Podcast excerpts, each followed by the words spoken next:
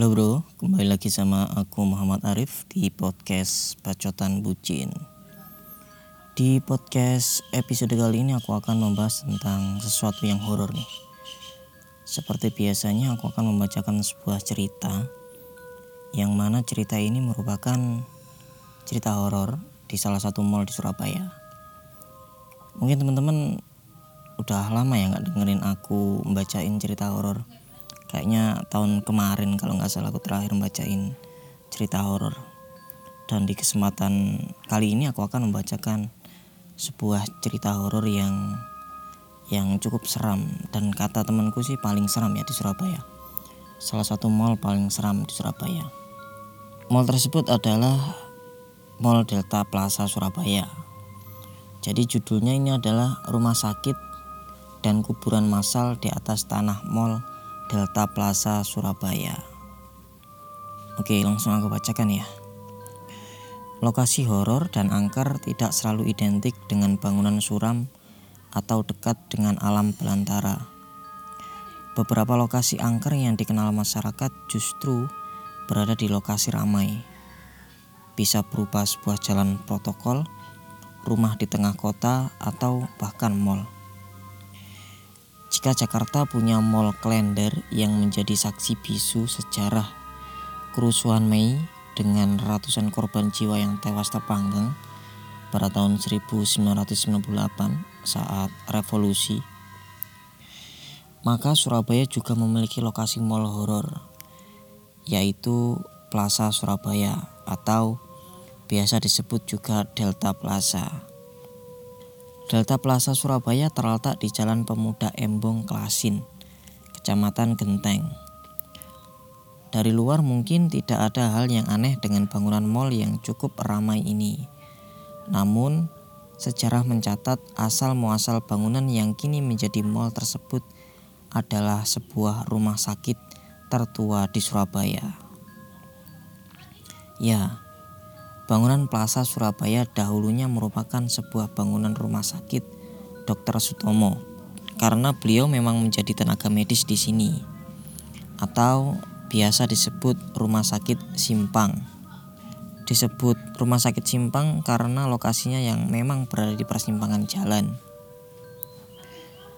Rumah sakit ini dibangun sebelum tahun 1900-an.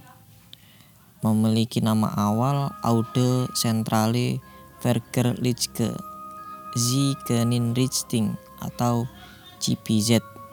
Ini bahasa Belanda ya kayaknya. Yang dibangun atas perintah Gubernur Jenderal Dietles saat itu dengan kapasitas sekitar 150 pasien. CBZ atau Rumah Sakit Simpang menjadi lokasi pusat pengobatan para pribumi dikarenakan rumah sakit lain saat itu hanya melayani bangsa Belanda saja.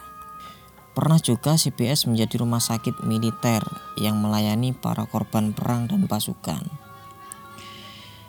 Pada tahun 1868, Surabaya sempat diserang oleh wabah kolera.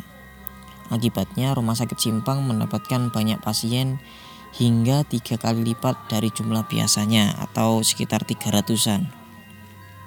Jumlah tersebut pun semakin bertambah karena kedatangan militer yang terluka setelah kembali dari ekspedisi Bali.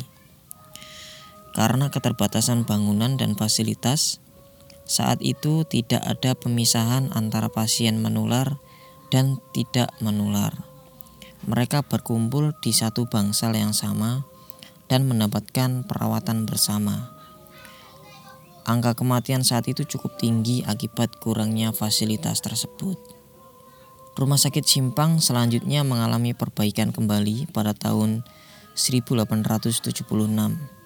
Sanitasinya pun dibuat menjadi lebih segar serta disinfeksi. Penderita penyakit biasa dengan penyakit yang menular dipisahkan dalam ruangan-ruangan tersendiri, sehingga jumlah kematian dapat menurun. Selain itu, di tahun yang sama, ditanamlah pohon-pohon beringin yang kemudian tumbuh besar yang rindang di sekitar area rumah sakit dan dilakukan sanitasi di seluruh bagian rumah sakit untuk menghindari penularan penyakit.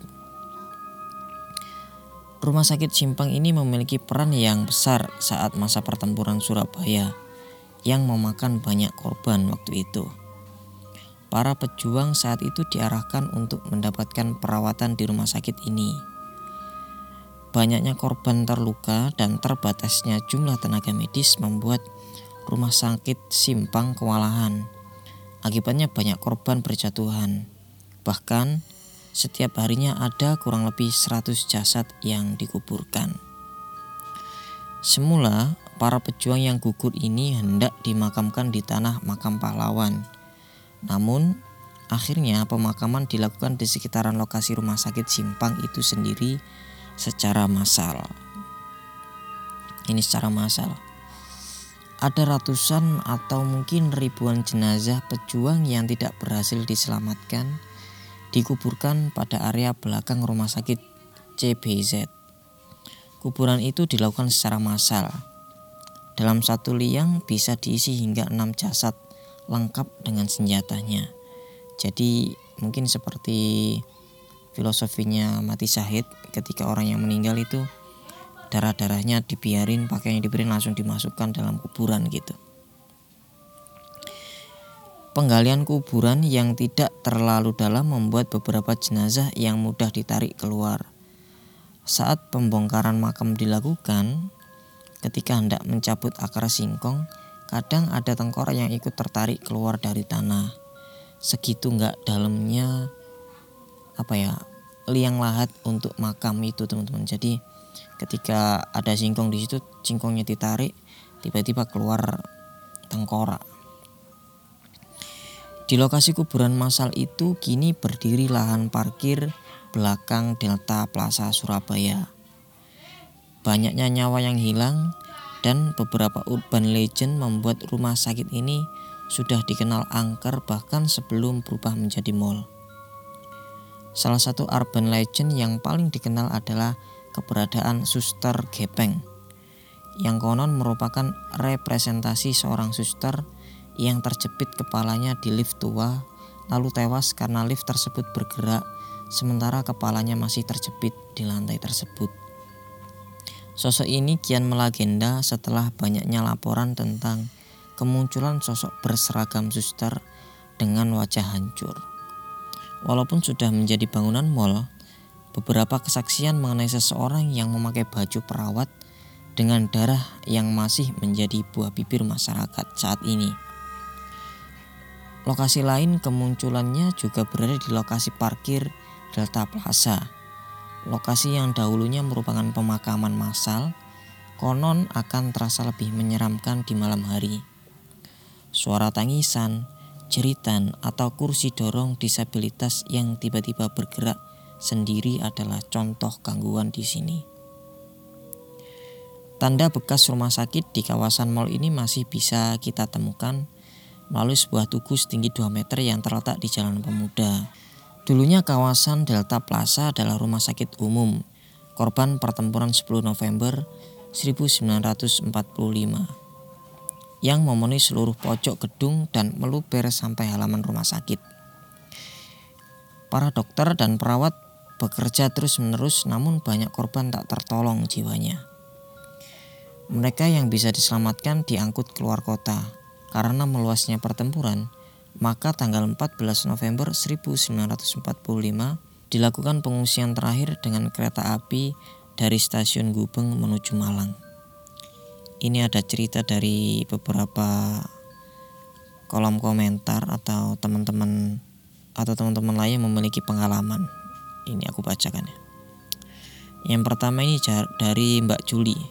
Pernah dulu pas masih mahasiswa sering banget nonton di Delta karena deket banget sama kosan. Nah nontonnya sampai tengah malam karena eskalatornya udah mati jadi pakai lift. Terus di liftnya tuh rada-rada macet dan diketuk, diketuk-ketuk baru bisa buka. Jadi dipancing. Lalu ada dari Kiki. Eyang juga ada yang jadi dokter di sana dulu. Kebetulan orangnya cuek. Beliau pernah ketemu sama si suster gepeng itu. Suster tanya, Selamat malam dokter, sedang tugas malam. Eyang, iya. Kebetulan saya juga. Dokter pernah dengar cerita tentang suster yang meninggal terpencet lift. Iya, saya tahu. Itu saya, Dok. Oh, anjir ini. Anjir ini susternya gila. Dia ceritanya ke orang-orang dengan datar gitu. Saya tadi ketemu sama suster yang meninggal kepencet lift. Gila. Gila, mantap. Oke, Bro, mungkin podcast episode horor ini cukup sampai di sini aja. Semoga teman-teman terhibur dan ya saya rasa ceritanya cukup seram. Oke, jangan lupa follow podcast Pacutan Bucin di Spotify dan juga di Instagram di @underscore Pacutan Bucin. Sampai jumpa di podcast episode selanjutnya.